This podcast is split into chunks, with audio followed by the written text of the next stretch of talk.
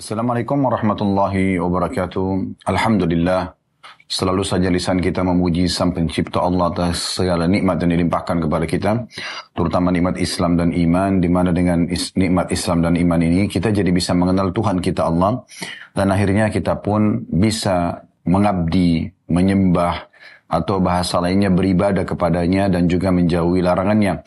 Dan dengan itu tentu kebahagiaan di dunia dan juga balasan sempurna di akhirat akan didapatkan. Dan juga kita lanjutkan salawat dan taslim kepada Nabi besar Muhammad sallallahu alaihi wa ala alihi wa sahbihi wasallam sebagaimana Allah telah mengucapkan salam hormat bersama malaikatnya kepada manusia terbaik ini dan juga dengan berharap mendapatkan balasan dari Allah Subhanahu wa taala karena Nabi sallallahu alaihi wasallam telah bersabda siapa yang mengucapkan salam kepadaku satu kali akan dibalas uh, oleh Allah sepuluh kali rahmat dan rahmat Allah mencakup pemenuhan kebutuhan, pengampunan dosa dan juga peninggian derajat, serta solusi dari permasalahan yang sedang dihadapi. Pada hari ini saya mengucapkan ahlan wa sahlan kepada seluruh teman-teman ASN yang telah bergabung di Zoom ataupun mengikuti di media. Dan bagi teman-teman yang biasa mengikuti di media kami di Khalid Basalam Official, pada hari ini ada kajian berbeda seperti biasanya. Karena biasanya kita membedah di hari Jumat bedah buku Sahih Targhib Tarhib kajian hadis. Hari ini kita akan membahas judul untuk teman-teman kita yang sudah mengabdi dengan pemerintah. Dan ini adalah satu perbuatan yang sangat mulia. Dan pada hari ini insya Allah akan kita bahas menjadi ASN yang unggul. Saudaraku iman, pemerintah di dalam Islam harus ada dan pemerintah ini tentunya untuk menjaga maslahat umum agar masyarakat bisa dinaungi, hasil daripada negara atau wilayah itu bisa dikelola, musuh bisa dihadapin, ya, perekonomian digerakkan. Sebagaimana Ali radhiyallahu anhu telah berkata, sesungguhnya harus ada pemimpin dalam pemerintahan tersebut. Walaupun pemimpin itu baik orang itu adalah orang yang saleh ataupun orang yang fasik atau muslim tapi mungkin jauh dari agama. Masih ada kekurangan-kekurangan dalam masalah agama. Wahai Amir Mukminin, wahai pemimpin orang-orang beriman, kalau seorang yang saleh, kami tahu karena dia tahu Tuhannya, pastilah dia akan memberikan hak Tuhannya, dia akan memberikan haknya makhluk, masyarakat maksudnya di bawah naungannya. Dia juga tidak akan berkhianat, dia akan amanah dan seterusnya. Tapi kalau orang fasik, maksudnya jauh dari agama, masih ada pelanggaran-pelanggaran agama, bagaimana kami memahaminya? Maka kata Ali radhiyallahu dengan sangat bijak, sesungguhnya dengannya, dengan pemimpin tersebut, uh, negara akan dikelola, ekonomi akan digerakkan, musuh-musuh akan dihadapi, dan setiap muslim masih bisa beribadah di wilayah dia sampai dia bertemu dengan ajalnya. Dan pemimpin dalam Islam ini, dalam pemerintahan, ya, itu dianjurkan dalam Islam untuk dipatuhi.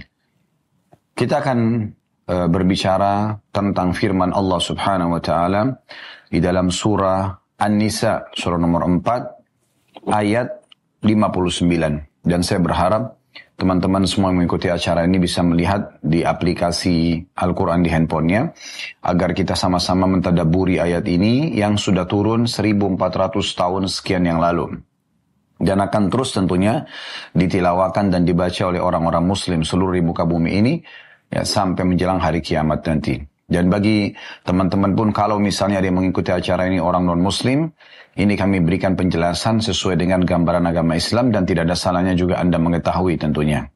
Ya ayyuhalladzina amanu ati'u Allah wa ati'ur rasul wa ulil amri minkum. Fa in tanaza'tum fi syai'in farudduhu ila Allah war rasul in kuntum tu'minuna billahi wal yawmil akhir. Dzalika Terjemahannya, Hai orang-orang yang beriman, taatilah Allah Tolong digarisbawahi kata-kata taatilah Allah. Dan taatilah Rasul Nabi Muhammad sallallahu alaihi wasallam.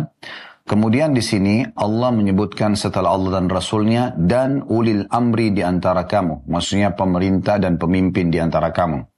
Namun di sini tidak ada diulangi kalimat taatilah. Nanti akan kita jelaskan ya. Kemudian jika kamu berlainan pendapat satu sama yang lain tentang sesuatu, perkara, keputusan, peraturan, Maka kembalikanlah kepada Allah, maksudnya dalam kurung Al-Quran. Dan kepada Rasul, maksudnya sunnah Nabi SAW. Jika kamu beriman kepada Allah dan hari kemudian. Demikian itu lebih utama bagimu dan lebih baik akibatnya. Firman Allah Subhanahu wa taala ini panjang lebar dibahas oleh para ulama, di antaranya juga para ulama tafsir dalam tafsir-tafsir mereka. Intinya kesimpulan dari semua apa yang mereka bahas adalah pentingnya seorang muslim menjadikan landasan dalam kehidupan dia dalam uh, bernegara, dalam bermasyarakat, bernegara. Itu uh, mereka harus mentaati Allah. Di negara itu ketaatan-ketaatan Allah disyiarkan ditunaikan misalnya sholat lima waktu ya, mungkin kaum muslimin ada masjid sebagai syiar mereka Jumat dihidupkan uh, Ramadan diiklankan muslimin mengerjakan terjadi kerjasama yang baik antara pemerintah dengan masyarakat kemudian juga zakat ditunaikan kemudian haji juga dilaksanakan dan Alhamdulillah perlu kita syukuri kepada Allah SWT. Semoga Allah selalu menjaga negara kita, negara kita sampai hari ini dan insya Allah mudah-mudahan selamanya. Semuanya seperti ini keadaannya. Muslim boleh menyiarkan sholat lima waktunya, bahkan menggunakan mikrofon dalam memanggil orang untuk sholat misalnya. Bebas setiap muslim mau bangun masjid, yang penting mengurus izinnya. Kemudian mereka bisa mengadakan taklim di setiap masjid untuk mengajarkan agama Allah Subhanahu wa taala. Kemudian juga ya, kita tahu zakat, ada badan zakat nasional, ada juga izin dari pemerintah untuk lembaga-lembaga swasta untuk memungut zakat dan tinggal melaporkan kegiatan mereka itu kepada pemerintah misalnya. Kemudian Ramadan diiklankan oleh pemerintah kerjasama dengan MUI dan tokoh-tokoh masyarakat. Akhirnya umat Islam bisa mengetahui oh besok sudah masuk Ramadan. Kemudian juga pada saat akan menyambut Idul Fitri sama diiklankan resmi. Haji pemerintah punya kuota pemerintah ya. Kemudian jemaah haji dibolehkan untuk pergi haji ada subsidi dari pemerintah. Kemudian juga diberikan kesempatan bagi setiap muslim memiliki travel haji dan umroh. Mereka bisa membantu umat Islam untuk melaksanakan ibadah. Ini sebuah nikmat yang luar biasa. Dan ini masuk dalam bab ketaatan kepada Allah. Kemudian Allah mengatakan dan taatilah Rasulnya. Maksudnya ambillah contoh-contoh sunnahnya. Nabi SAW sudah memberikan contoh pada saat mendirikan negara pertama di Madinah, negara Islam. Beliau membangun tiga pondasi dasar. Yang pertama adalah beliau membangun Masjid Kuba, kemudian Masjid Nabawi. Sehingga umat Islam leluasa untuk sholat lima waktu. Dan Alhamdulillah di Indonesia juga sebuah nikmat yang besar. Hampir kota-kota besar semuanya memiliki masjid jami' pemerintah pun mendukung adanya di Jakarta misalnya ada Istiqlal, di beberapa masjid eh, kota-kota besar ada Masjid Agung, Masjid Raya, apalah yang dinamakan. Intinya itu Masya Allah syiar yang luar biasa. Ini yang Nabi SAW contohkan awal hijrah ke Madinah. Kemudian yang kedua, mempersaudarakan antara muhajirin dan ansar, pendatang dan pribumi setempat. Dalam Islam tidak ada lagi rasisme. Semua kalau satu warga negara berarti semuanya sama, gitu kan? Saling dukung mendukung. Ya mau muslim atau non muslim. Pertama muslim sama muslim dipersaudarakan agar tidak ada lagi rasisme di antara mereka. Islam tidak mengenal oh kamu bukan dari kota saya, kamu bukan dari wilayah saya selama muslim saudara. Dan yang ketiga ini yang menjalin ya keeratan persatuan dan kesatuan untuk seluruh warga dan masyarakat yaitu dengan menulis muahada kesepakatan damai antara kaum muslimin dengan orang-orang non muslim yang pada saat itu di kota Madinah tentunya ada tiga suku Yahudi, Kainuqa, Nadir dan Quraidah. Nah, Nabi SAW tulis kesepakatan damai agar sama-sama memakmurkan Madinah, menjaga keamanannya, ya, menjaga nama baiknya, tidak saling mengganggu. Ini semua adalah uh, poin juga tentunya tidak asing di negara kita. Bagaimana sama warga negara kita saling gotong meroyong, ya, uh, saling bantu membantu walaupun berbeda agama walaupun berbeda suku. Kita adalah satu negara satu bangsa. Maka ini hal mendasar yang merupakan sunnah Nabi Shallallahu Alaihi Wasallam. Kemudian bagaimana beliau terapkan dalam kehidupan sehari-hari ya, pada saat uh, apa namanya mengatur perekonomian mengatur uh, militer mengatur sistem politik yang ada uh, sampai akhirnya beliau meninggal pun Eh, para sahabat melanjutkan itu dengan terbentuknya khilafah, uh, maksudnya khalifah ya, pengganti. Ya, dikatakan Khalifah Rashidah, ya, pengganti yang dapat petunjuk Abu Bakar, Umar, Uthman, Ali, dikenal dengan Khulafa'ur Rashidin. Kemudian setelah itu umat Islam melanjutkan estafetnya dengan ada dinasti Umayyah, dinasti Abbasiyah, dinasti Uthmaniyah. Dan setelah itu mulailah setiap umat muslim di negara masing-masing memiliki sistem, ya, termasuk negara kita misalnya. Kemudian selanjutnya, dan ulil amr, setelah mentaati Allah dan Rasulnya, taatilah pemimpin kalian, pemerintah kalian. Maka ini perlu difahami baik-baik. Tapi tadi ada satu pesan penting, ulama menitik beratkan kenapa di dalam dan ulil amr tidak disebutkan tidak disebutkan dan taatilah ulil amr. Karena ini adalah tabi' atau mengikuti taat kepada Allah dan Rasulnya. Artinya pemimpin wajib dipatuhi selama tidak melanggar Allah dan Rasulnya. Dan kalau melanggar Allah dan Rasulnya maka tidak dipatuhi khusus di poin itu. Nah teman-teman sekalian, pemimpin ini adalah orang-orang yang telah Allah pilih di muka bumi untuk menjadi pemimpin dan dia adalah simbol daripada masyarakat itu sendiri. Artinya, kalau ingin memiliki pemimpin yang ideal, yang baik, maka kita pun juga harus membenahi diri kita dulu, baru kemudian Allah berikan pemimpin yang luar biasa, yang baik juga. Makanya pernah ada beberapa orang yang datang kepada Ali radhiyallahu anhu dan mengatakan, kenapa di masa kerajaan anda, pemimpinan anda banyak kekacauan yang terjadi. Ada kekacauan yang terjadi. Kenapa tidak seperti di masa Nabi SAW? Kata Ali radhiyallahu anhu, karena di masa Nabi SAW, masyarakatnya adalah aku dan sahabat-sahabat Nabi yang lain. Maksudnya orang-orang yang baik, orang-orang yang saleh. Tapi di masa kepemimpinanku, yang ada masyarakat adalah orang-orang seperti kamu ini. Yang suka memprotes, suka memberontak. Subhanallah, kita dianjurkan mentaati ini adalah kalau benar kita dukung, kalau salah kita doakan kita bantu agar teman-teman kita yang sedang diberikan amanah memimpin ini untuk bisa menjalankan tugas mereka. Kita bisa bayangkan bagaimana kalau 200 juta umat Islam misalnya di Indonesia, kalau kita ambil sekitar 80-85% penduduk Indonesia, itu mendoakan agar pemimpin kita mendapatkan hidayah, petunjuk, menjalankan amanah dengan baik. Maka pasti akan sangat luar biasa efeknya. Dari 200 juta, tidak mungkin tidak ada yang diijabah. Apalagi kalau diijabah semuanya. Pasti Allah akan berikan pemimpin yang baik, berikan petunjuk, menjalankan amanah dengan baik, dan seterusnya kita pun akan mendapatkan hak-hak kita sebagai masyarakat. Baik, yang saya ingin titik beratkan di sini, teman-teman sekalian, Allah Subhanahu wa Ta'ala mengatakan dalam ayat ini, dan kalau kalian berselisih dalam satu perkara, maka kembalikanlah kepada Allah dan Rasulnya. Artinya selalu kembali apa yang agama Allah ajarkan, kita kembali kepada panduan tersebut. Kalau halal, kita nikmati. Kalau haram, kita jauhi dan kita ganti kepada yang halal. Kemudian Allah Subhanahu wa taala menyebutkan dan itu akan lebih baik buat kalian. ada peraturan-peraturan yang diletakkan oleh pemerintah, teman-teman sekalian, yang tidak ada di dalam hukum Allah Subhanahu wa taala secara khusus secara secara uh, uh, umum dalil menyebutkan tapi dia bertemu di maslahat hukum. Seperti misalnya rambu-rambu lalu lintas, adanya akte lahir, adanya paspor, adanya KTP, adanya ijazah. Semua ini kan tidak ada di masa Nabi Shallallahu Alaihi Wasallam. Tapi ini maslahat masuk dalam ayat ini taat kepada pemerintah setempat karena bukan maksiat itu demi kebaikan dengan rambu-rambu lalu lintas maka akan rapi semuanya uh, ijazah juga begitu. Diketahui orang ini tamat dari kuliah uh, uh, sekolah mana universitas mana jurusan apa. Akte lahir diketahui dari or kedua orang tua siapa dia anak ini lahir kemudian di rumah sakit mana kapan dia lahir misalnya. KTP sebagai tanda pengenal. Makanya sudah ada peraturan di pemerintahan kita untuk selalu menunjukkan KTP kalau di lembaga-lembaga resmi ya untuk untuk apa misalnya mendaftar uh, membuka rekening di bank misalnya atau yang lainnya melamar kerja dan seterusnya intinya semuanya adalah bertemu di maslahat karena ini masuk dalam kebaikan bukan maksiat kepada Allah SWT wajib untuk dipatuhi. Jadi tidak boleh seorang muslim sengaja melanggar lampu-lampu lalu lintas misalnya. Sengaja nggak memiliki KTP atau atau akte lahir atau atau yang ini semua adalah peraturan yang wajib untuk dipatuhi.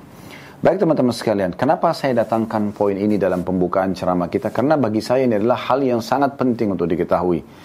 Karena banyak sekali terjadi saya sering dengar ya, di tengah-tengah masyarakat kita mencaci maki pemimpin, mencaci maki pemerintah, seakan-akan semua yang dilihat adalah keburukannya saja.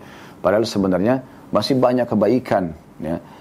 Kalau kita lihat masuk ke, saya subhanallah kemarin sempat masuk ke satu super mini market kecil, uh, kami antri di situ dengan beberapa masyarakat. Kemudian uh, saya lihat subhanallah si fulan belanja dengan 30-50 ribu rupiah. Dia udah dapat minuman sama makanan.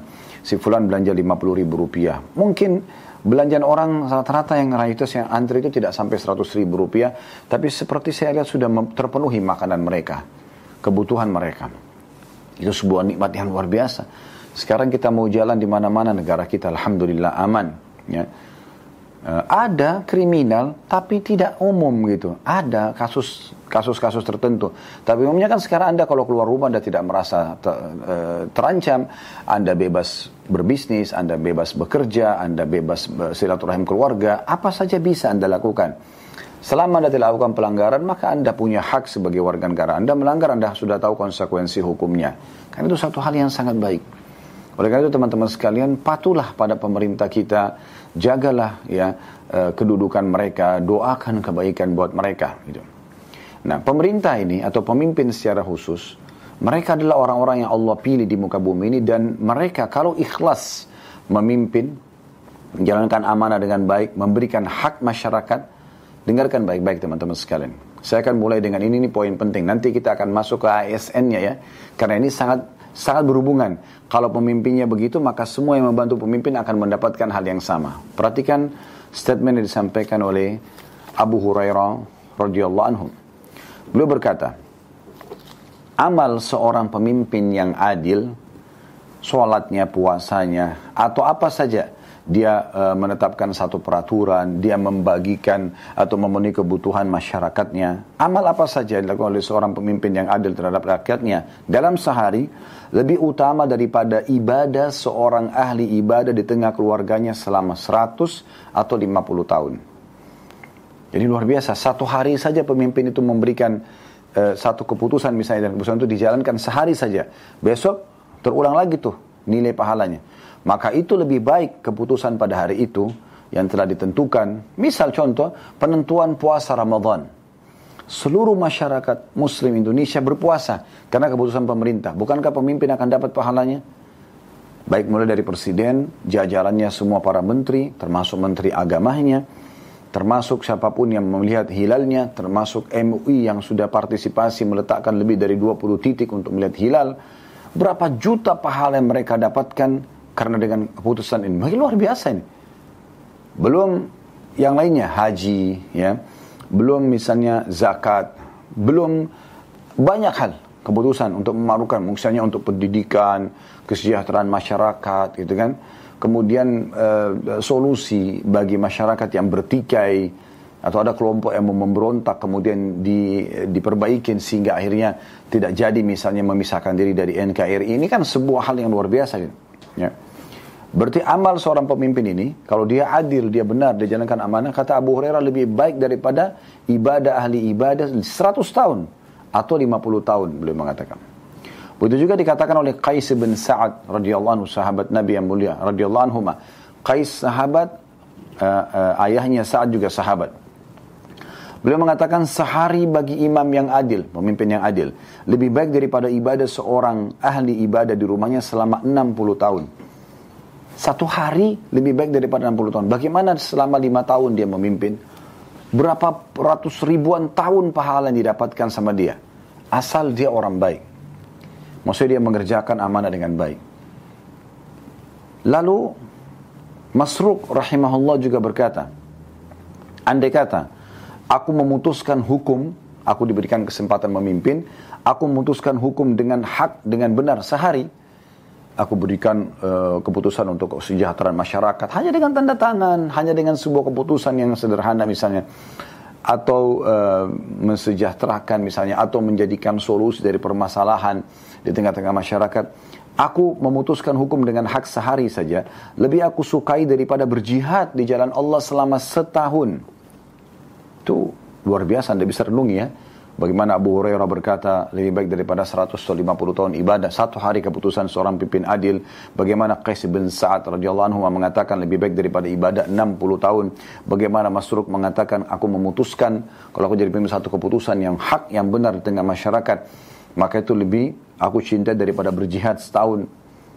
Muhammad bin Safwan rahimahullah berkata, Sa'id bin Sulaiman berkata rahimahullah ini ulama-ulama tabi'in di masa lalu kisah klasik mereka mengatakan secara uh, hukum menetapkan hukum secara hak sehari lebih utama di sisi Allah daripada sholatmu sepanjang umurmu. Keputusan yang baik yang diberikan oleh seorang pemimpin renovasi masjid ini perbaikan jalan ini ya tingkatkan kualitas pendidikan itu, hilangkan kemiskinan di wilayah sini, hilangkan ini dan itu misalnya kesulitan yang menghambat atau mengganggu kemacetan kah, apalah ya. Atau mungkin memasukkan penerangan listrik di wilayah-wilayah yang uh, uh, apa terpencil, uh, air bersih, apa saja. Kata beliau, menetapkan hukum secara hak satu hari saja. Itu lebih baik daripada sholatmu seumur hidupmu. Kalau dia jadi seorang pemimpin, itu kan luar biasa. Wahab ibn Munabbir rahimahullah berkata, apabila seorang pemimpin berkeinginan mengerjakan ke ke kecurangan pada rakyatnya di pasar, di sawah, pada hewan ternak, dan pada segala sesuatu. Ya. Dan apabila pemimpin menginginkan melakukan kebaikan dan keadilan, atau akan melakukannya, niscaya Allah akan menurunkan berkah pada masyarakatnya. Maksudnya kalau pemimpin ingin mengerjakan perbuatan buruk, itu akan ada hukumannya. Itu antara dia sama Tuhannya.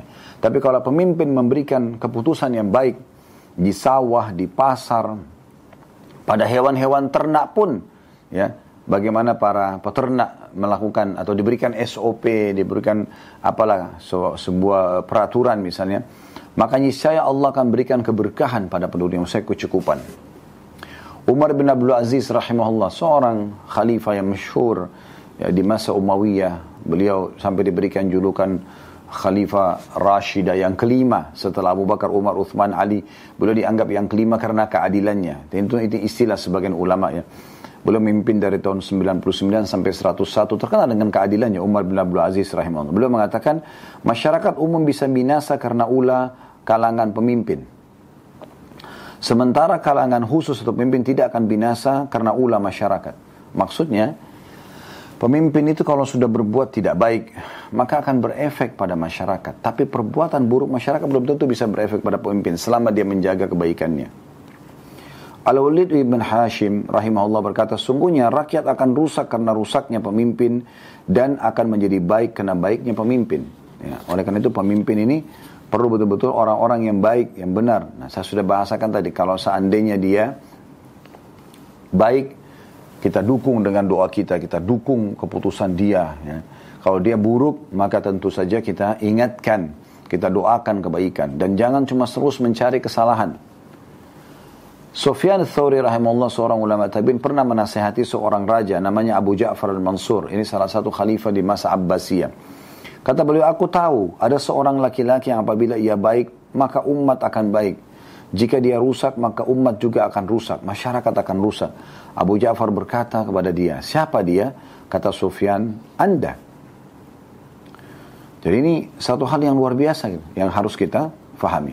Baik, semua yang saya sampaikan tadi tentang masalah uh, keutamaan pemimpin ini, teman-teman sekalian, sangat erat hubungannya dengan apa yang akan kita bahas masalah ASN yang unggul. Ya. Saya ingin teman-teman ASN semua yang menghadiri acara ini atau Anda pun misalnya yang terlibat bekerja membantu walaupun Anda bukan ASN membantu untuk menjaga keamanan, persatuan dan kesatuan mendukung program pemerintah sebagai masyarakat pun mudah-mudahan juga termasuk teman-teman sekalian kalau pemimpin tadi satu hari keputusannya bisa lebih baik daripada ibadah 50, 60 bahkan 100 tahun ibadah bahkan tadi sudah kita jelaskan bagaimana Masruk mengatakan satu hari keputusan adil itu lebih baik, lebih dicintai daripada jihad setahun Berarti poin ini kita pegangi dulu.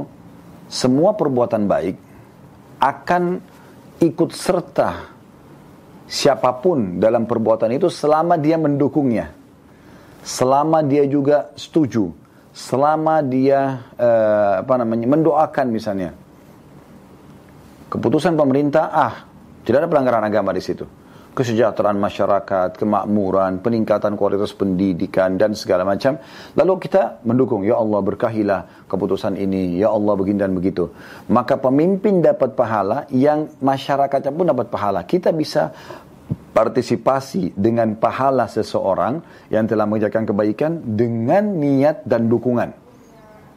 Begitu juga sebaliknya ya, kalau seandainya ada keputusan yang buruk, tidak benar, melanggar agama, ya, korupsi, kolusi, apalah pelanggaran agama, maka ini siapa pun yang mendukungnya, yang yang pemimpinnya dapat dosa, yang mendukung juga dapat dosa.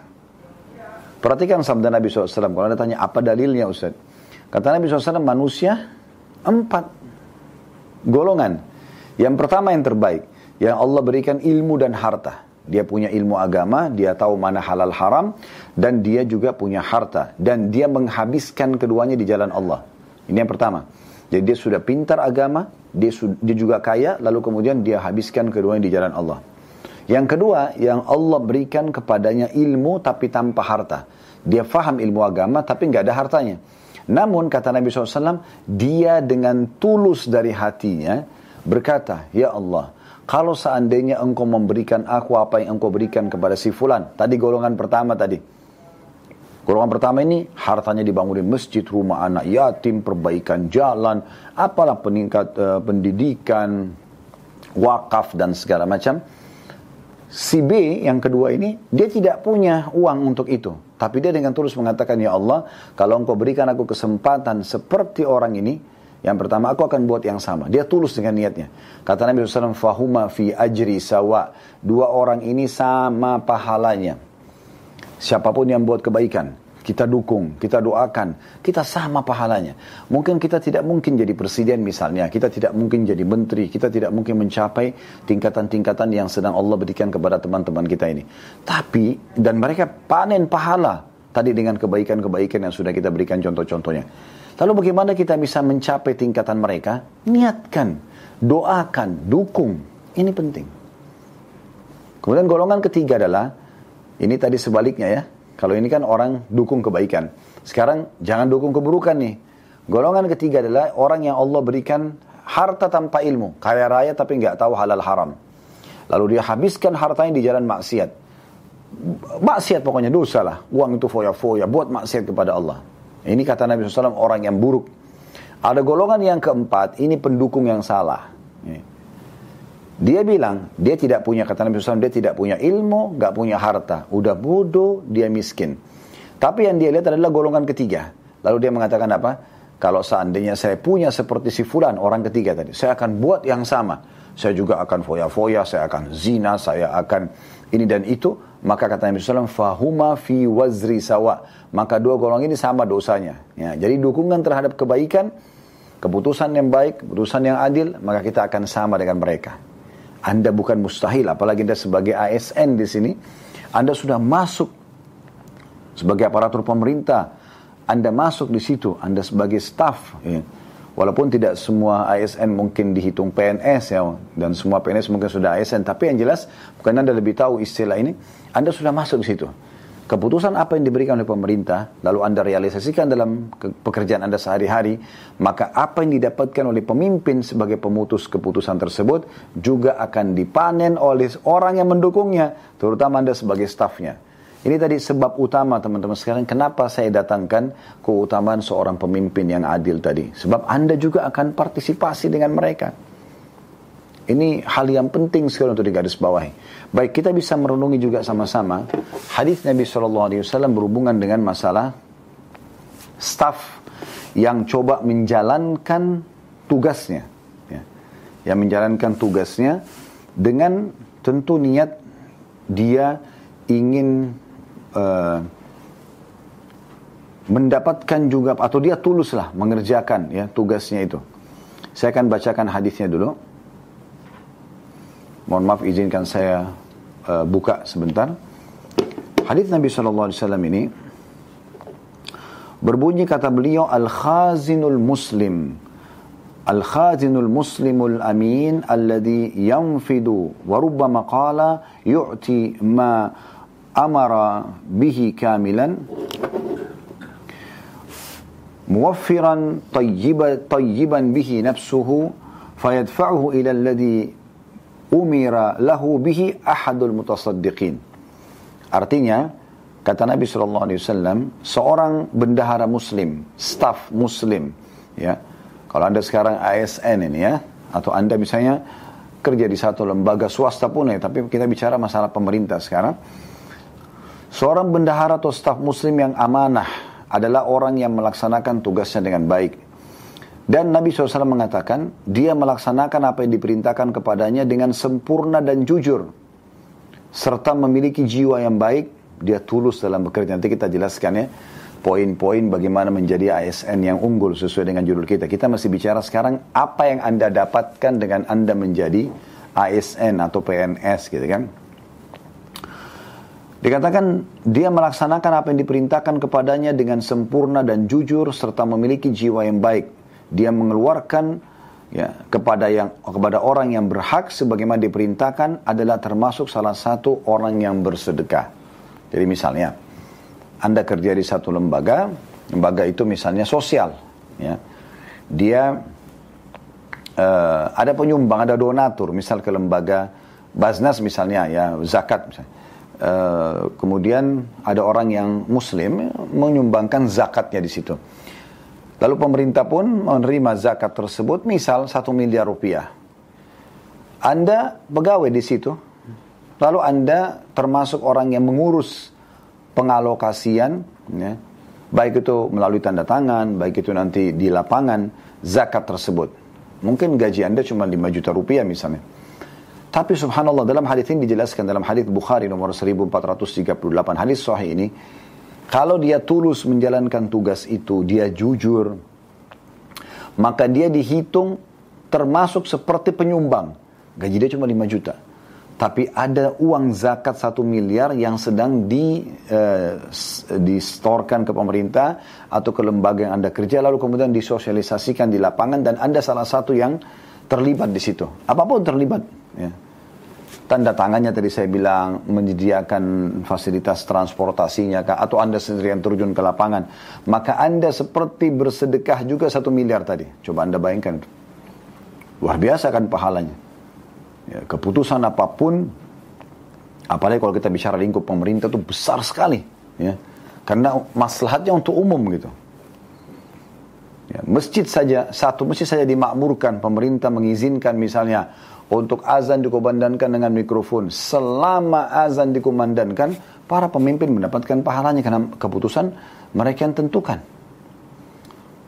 Imam masjid, ya, dimakmurkannya masjid dengan sholat lima waktu, dengan pengajian, uh, apalah aktivitas di situ ya.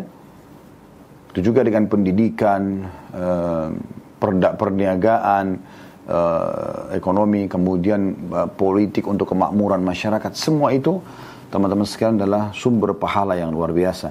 Dan siapa pun yang terlibat situ akan sama. Dalam hadis yang ini riwayat Imam Muslim nomor 1023 Nabi SAW bersabda, Innal khazinal muslimil amin, alladhi yanfadu wa rubbama qala yu'ti ma umira bihi fayu'tihi kamilan mutawaffiran tayyibatan bihi nafsu, fayadfa'u ila alladhi ma illa ila alladhi umira lahu bihi ahad al-mutasaddiqin. Kurang lebih mirip tadi ya, tapi ini terjemahannya. Seorang staf muslim atau bendahara muslim yang melaksanakan tugasnya dengan jujur dan membayar sedekah kepada orang yang diperintahkan oleh majikannya secara sempurna dengan segera dengan dengan pelayanan yang terbaik maka ia mendapat pahala yang sama seperti orang yang bersedekah tadi coba anda bayangkan ini luar biasa nih. Jadi teman-teman sekalian sebagai seorang ASN anda renungi baik-baik apa yang kami titip beratkan sebenarnya poinnya sederhana adalah bagaimana anda bisa meraih pahala bersama dengan pemerintah kita merupakan pemimpin tertinggi Anda. Jajaran, jajaran presiden kalau kita seluruh menteri-menteri dan Anda pun di, berada di bawah ke pemerintah, pem, uh, uh, pemerintah apa namanya uh, kementerian apa pun di bidang apa pun Anda maka semua keputusan yang positif di situ yang tidak ada pelanggaran agama Islam tadi sudah saya bilang kesejahteraan masyarakat uh, solusi dari permasalahan yang sedang dihadapin kemakmuran uh, peningkatan ya kualitas SDM kah, skillnya, atau kualitas mungkin infrastruktur, semua itu Anda bisa partisipasi. Tinggal bagaimana Anda tulus dalam mengerjakan perbuatan tersebut. Baik teman-teman sekalian, kita akan masuk setelah jedah iklan tadi, ada program kami Adhafam yaitu mengajak muslimin untuk berkurban bersama-sama insya Allah. Baik teman-teman sekalian kita akan masuk ke masalah inti judul kita menjadi ASN yang unggul. Bagaimana Anda bisa menjadi seorang staff atau aparatur pemerintah ini kita eh, maaf aparatur sipil negara yang sifatnya memang dari pekerjaan tadi Anda bisa meraih semua tadi yang sudah kita sebutkan eh, pahala bersama para pemimpin-pemimpin kita. Yang pertama teman-teman sekalian, Ya, ini sudah menjadi hal yang dasar sekali pondasi dalam agama Islam, ikhlas. Kalau agama kita mengatakan ikhlas dan kalau bahasa umumnya supaya lebih mudah difahami, tulus, ya. Anda betul-betul pada saat itu mengerjakan karena Anda ingin meraih pahala di situ. Itu yang Anda dahulukan. Bagaimana sekarang saya pada saat kerja di satu di bawah uh, satu kementerian ya, atau satu unit lah dari unit-unit yang ada di uh, pemerintahan kita ini, Anda ikhlas di situ.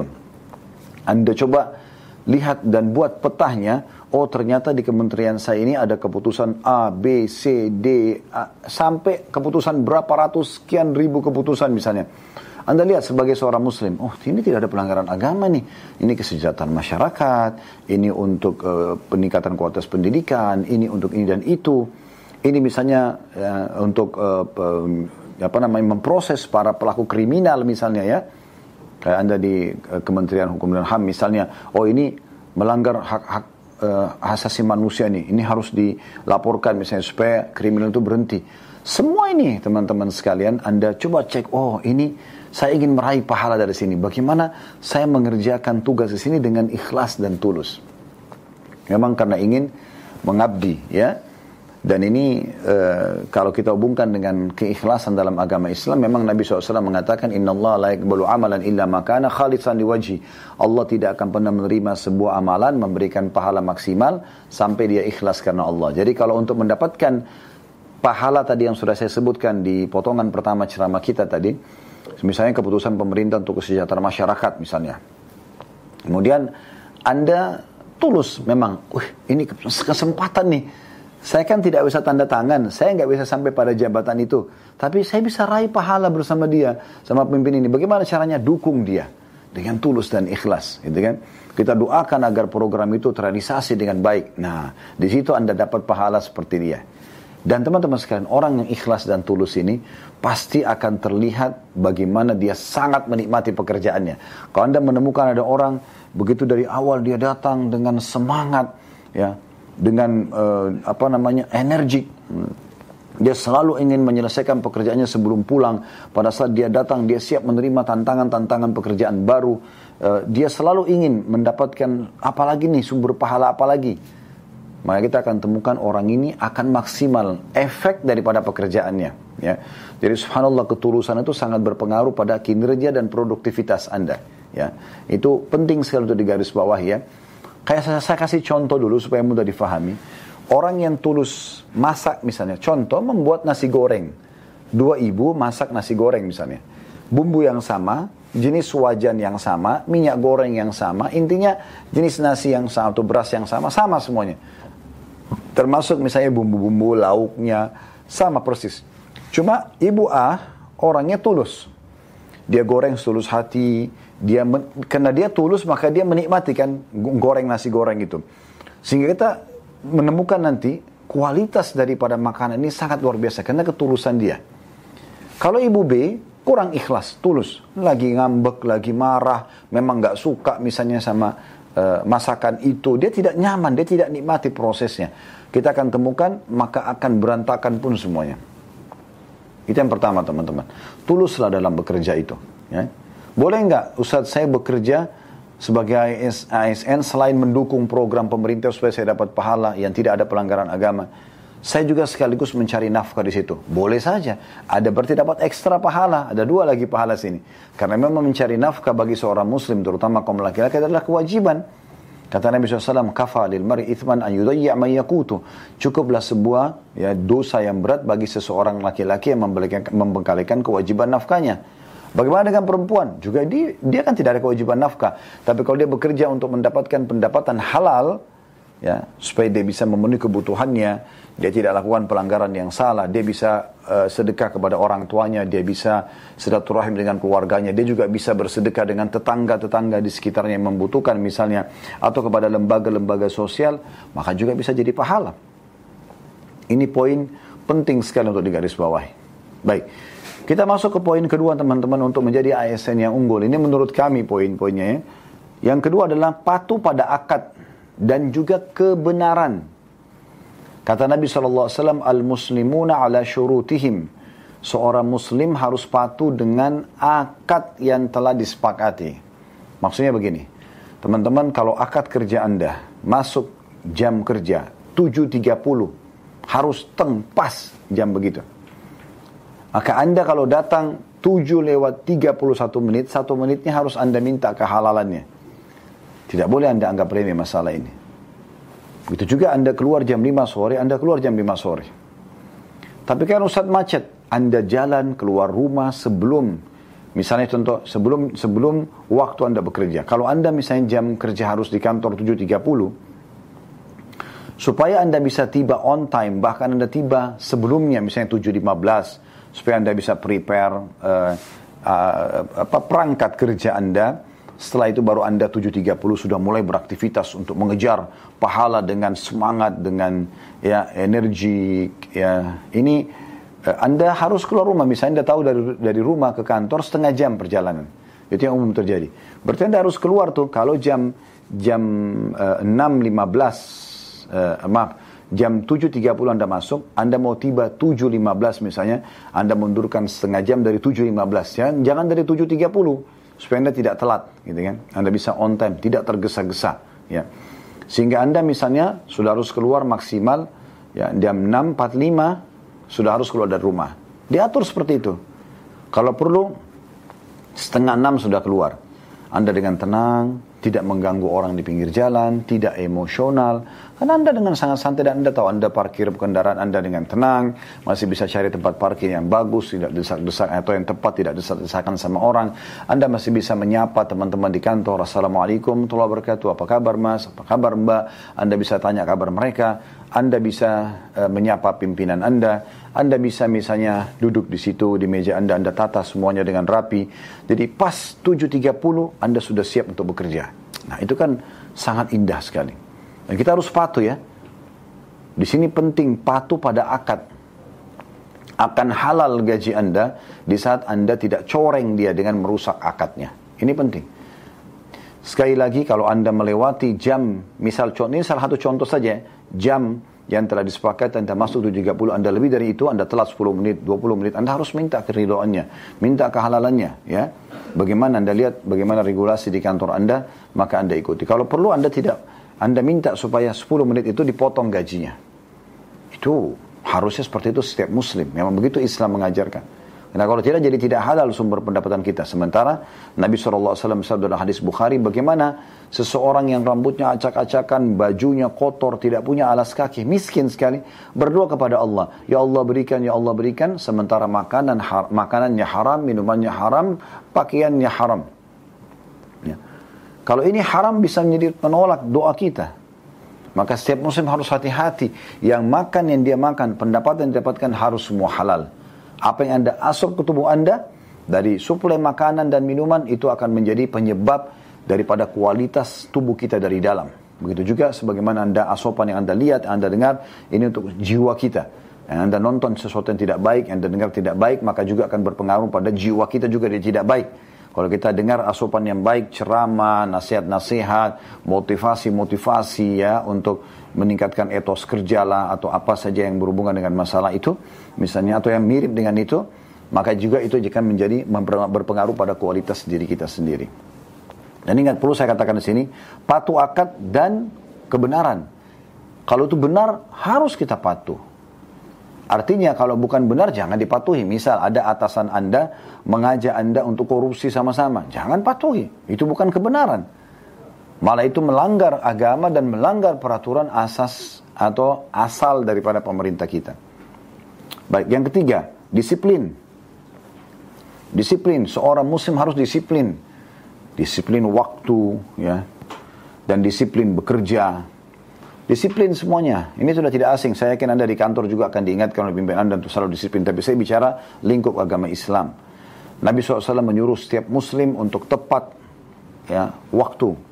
Untuk tepat janji. Untuk menjaga amanah. Ya, untuk tidak ingkar janji. Kan gitu kata Nabi SAW. Tiga perkara sifat orang orang munafik. Berarti orang mukmin tidak akan begitu. Idza haddatsa kadab. Kalau dia berbicara dia berdusta, berarti orang muslim tidak akan dusta. Dia jujur. Ya. Kemudian wa idza eh, tumina wa idza tumina khan. Kalau dia berikan amanah maka dia berkhianat. Orang muslim tidak akan seperti orang munafik. Berarti dia tidak akan khianati amanah. Dan wa idza wa'ada akhlaf. Kalau dia berjanji dia pungkiri. Tidak boleh kita tidak disiplin. Disiplin semuanya. Disiplin semua masuk ya dari hal-hal yang kecil sampai yang besar. Disiplin dalam mengikuti peraturan uh, kantor untuk berpakaian, berbusana misalnya, atau uh, disiplin dalam mengerjakan dan menyelesaikan tugas misalnya. Disiplin pengaturan waktu masuk dan keluar tadi, ya dan waktu istirahat ini juga termasuk waktu istirahat penting sekali ya. Karena banyak orang yang curi-curi waktu di situ. Istirahat dari jam 12 sampai jam 1. Ini hak Anda. Kalau Anda keluar sebelum jam 12 berarti Anda sedang sedang meletakkan satu uh, poin di situ sekitar berapa menit yang tidak halal gaji Anda nanti. Begitu juga nanti kalau Anda ternyata sampai jam 1 Anda sengaja lewat, ah nggak apa-apa lah 10 menit, 15 menit. Nggak bisa. Ini jadi jadi permasalahan ini. Kecuali dihalalkan oleh pemilik hak yaitu pemerintah kita. Ini agak sulit. Oleh karena itu maksimal satu jam itu. Nah, ini waktu saya, waktu saya. Anda nggak bisa pergi makan di luar jauh, takut macet, Anda makan di dekat kantor saja. Selesai. Nah itu poin penting. Kemudian yang keempat adalah amanah. Amanah artinya betul-betul dia menjaga agar jangan sampai berkhianat. Berkhianat kepada pemerintah, berkhianat kepada kantor sendiri, berkhianat kepada teman kerja. Ini memang tidak boleh. Kita harus amanah. Ya. Apa pun yang merupakan rahasia tempat kerja Anda, tidak boleh Anda bawa keluar. Baik itu sementara Anda di kantor atau Anda sudah tidak lagi kerja. Ingat, termasuk amanah teman-teman. Fasilitas yang disiapkan di kantor itu adalah amanah. Kertas saja, kalau Anda ingin print sesuatu, disiapkan oleh kantor untuk pekerjaan. Bukan untuk Anda pribadi. Tidak boleh Anda misalnya print tugas kerja anak Anda di kantor pakai kertas itu. Tidak boleh Anda print misalnya Anda punya usaha swasta di luar sana, Anda kerjakan di waktu-waktu yang Anda sedang bertugas, terikat akad, tidak boleh. Ya, pulpen. Tidak boleh Anda mengatakan, oh pulpen di kantor banyak, Anda bawa pulang bagi-bagiin ponakan misalnya. Tidak boleh. Karena memang itu untuk pekerjaan, ini amanah. Tidak boleh sama sekali. Ya. Apa pun sifatnya yang memang terikat milik kantor, milik pemerintah, nggak boleh dipakai untuk ya hal yang lain. Kecuali Anda punya izin. Bahkan mobil dinas pun, kalau dikasih mobil dinas, berarti namanya saja sudah mobil dinas. Berarti untuk dinas kan. Nah kalau Anda ingin pakai untuk kebutuhan keluarga Anda, izin sama atasan Anda. Ini mobil dinas saya.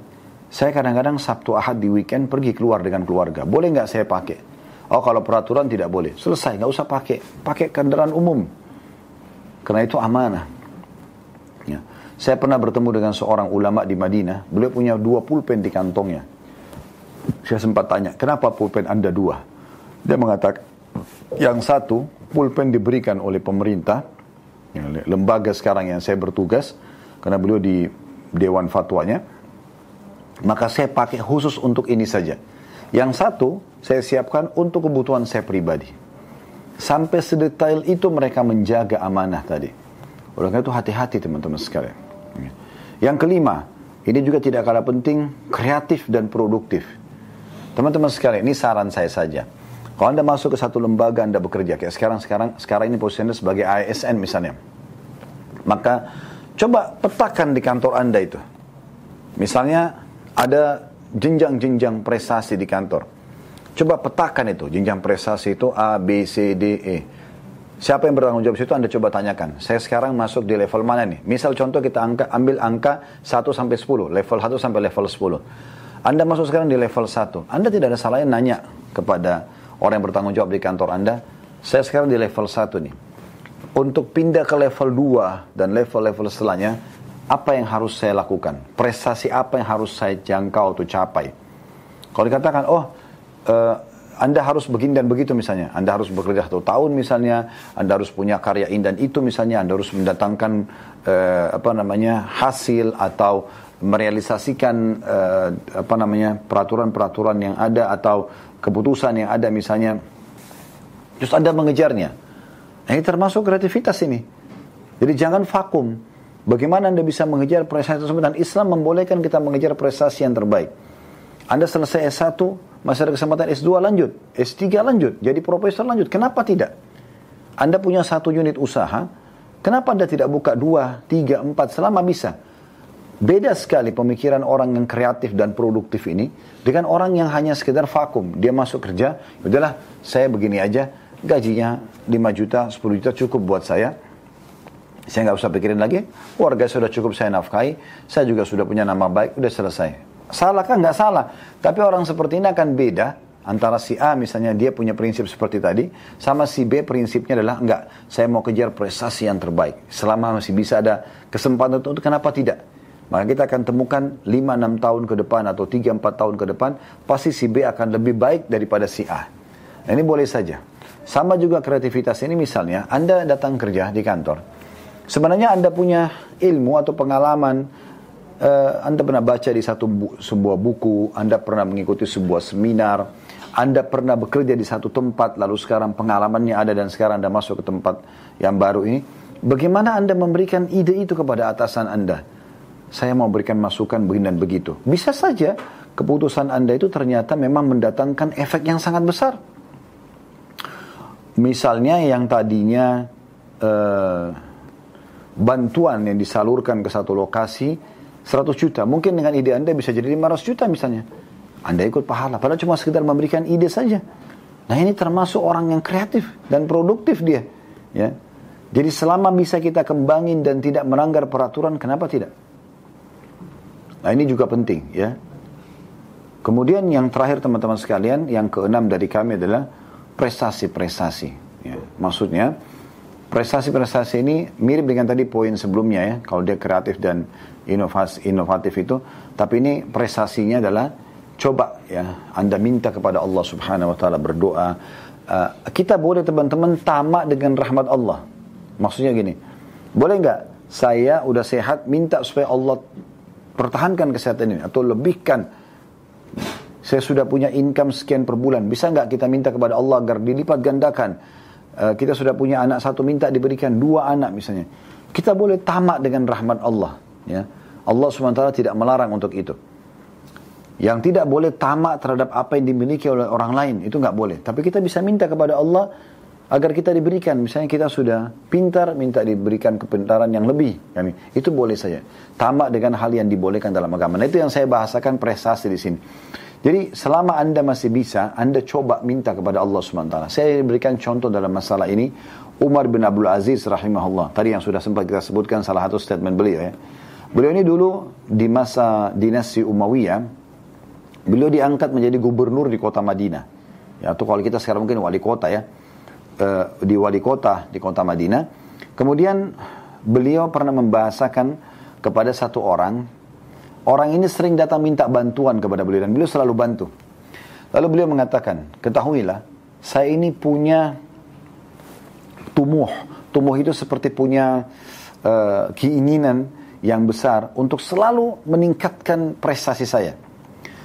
Dan kalau Allah subhanahu wa ta'ala penuhi prestasi-prestasi yang saya dapatkan nanti, yang saya niatkan, maka datanglah kepadaku, aku akan beri kepadamu lebih daripada itu. Dan aku berharap satu waktu Allah memberikan aku menjadi khalifah. Dia minta menjadi raja pada saat itu. Padahal waktu itu perlu anda ketahui, uh, dinasti Umayyah adalah kerajaan. Sehingga ayah mewariskan kepada anaknya, anak kepada anaknya lagi. Begitu terus kalau kerajaan kan. Jadi tidak memilih orang lain sebagai pemimpin. Umar bin Abdul Aziz, dia walaupun dari keluarga Umayyah, tapi dia tidak termasuk di uh, garis keturunan yang akan menjadi raja. Tapi karena tumuhnya, karena keinginan mencapai prestasi tertinggi, memohon kepada Allah Subhanahu wa taala yang terjadi apa? Subhanallah dengan hikmah Allah Subhanahu wa taala ada Raja bin Haywa namanya, seorang Perdana Menteri pada saat itu, memberikan masukan kepada seorang khalifah yang bernama Sulaiman. Ini uh, saya ingin memberikan masukan kepada anda. Allah gerakkan dia untuk bicara. Anda sudah menjaga kerajaan selama ini, Anda sudah menjalankan dengan baik, semoga Allah balas dengan kebaikan. Sekarang Anda akan meninggal sakit keras waktu itu kebutuhan khalifah. Kenapa Anda tidak estafetkan kebaikan ini? Saya melihat kata Raja Ibn Haywa ini, Perdana Menteri atau penasehat si khalifah, keturunan Anda ini sekarang tidak ada yang layak untuk meneruskan estafet ini. Bagaimana kalau saya sarankan Umar bin Abdul Aziz, Anda tunjuk tulis surat resmi untuk menjadi khalifah pengganti Anda. Padahal Umar bin Abdul Aziz ini bukan orang yang masuk dalam kandidat. Waktu itu sudah jelas setelah Sulaiman meninggal akan datang adiknya, kemudian adiknya lagi dan seterusnya. Maka dia dengan keimanannya mengatakan benar yang kau katakan. Dia orang yang paling layak untuk menjalankan estafet daripada kemakmuran, ketentraman dan juga ya keimanan yang sudah terbentuk selama ini. Maka dia tulis surat lalu dia tunjuk dan subhanallah ternobatkan Umar bin Abdul Aziz sesuai dengan prestasi yang diharapkan kepada Allah Subhanahu wa taala. Ingat, innamal amalu niat semua sesuai dengan niatnya. Kalau niat untuk mencapai yang terbaik, Allah akan berikan yang terbaik. Anda niat cukupkan dengan sampai di situ juga sudah sampai sampai di situ saja. Allahu alam. Jangan lupa teman-teman sekalian selalu berdoa kepada Allah Subhanahu wa taala untuk pemimpin kita karena dengan doa kita akan dapat raih pahala bersama mereka. Doakan kalau mereka mengerjakan kebaikan agar Allah balas kalau dan kita dalam memberikan dukungan kepada mereka kalau mereka berbuat buruk doakan agar mereka mendapatkan hidayah dan meninggalkan itu dan juga doakan agar selalu kita bisa menjaga amanah ya menjadikan ini adalah sumber pendapatan halal buat kita dan sekaligus juga tentunya sumber prestasi buat kita. Kalau ada benar dari Allah, kalau ada salah dari saya mohon dimaafkan. Subhanakallah bihamdika, asyhadu an la ilaha illa anta astaghfiruka wa atubu ilaik. Wassalamualaikum warahmatullahi wabarakatuh.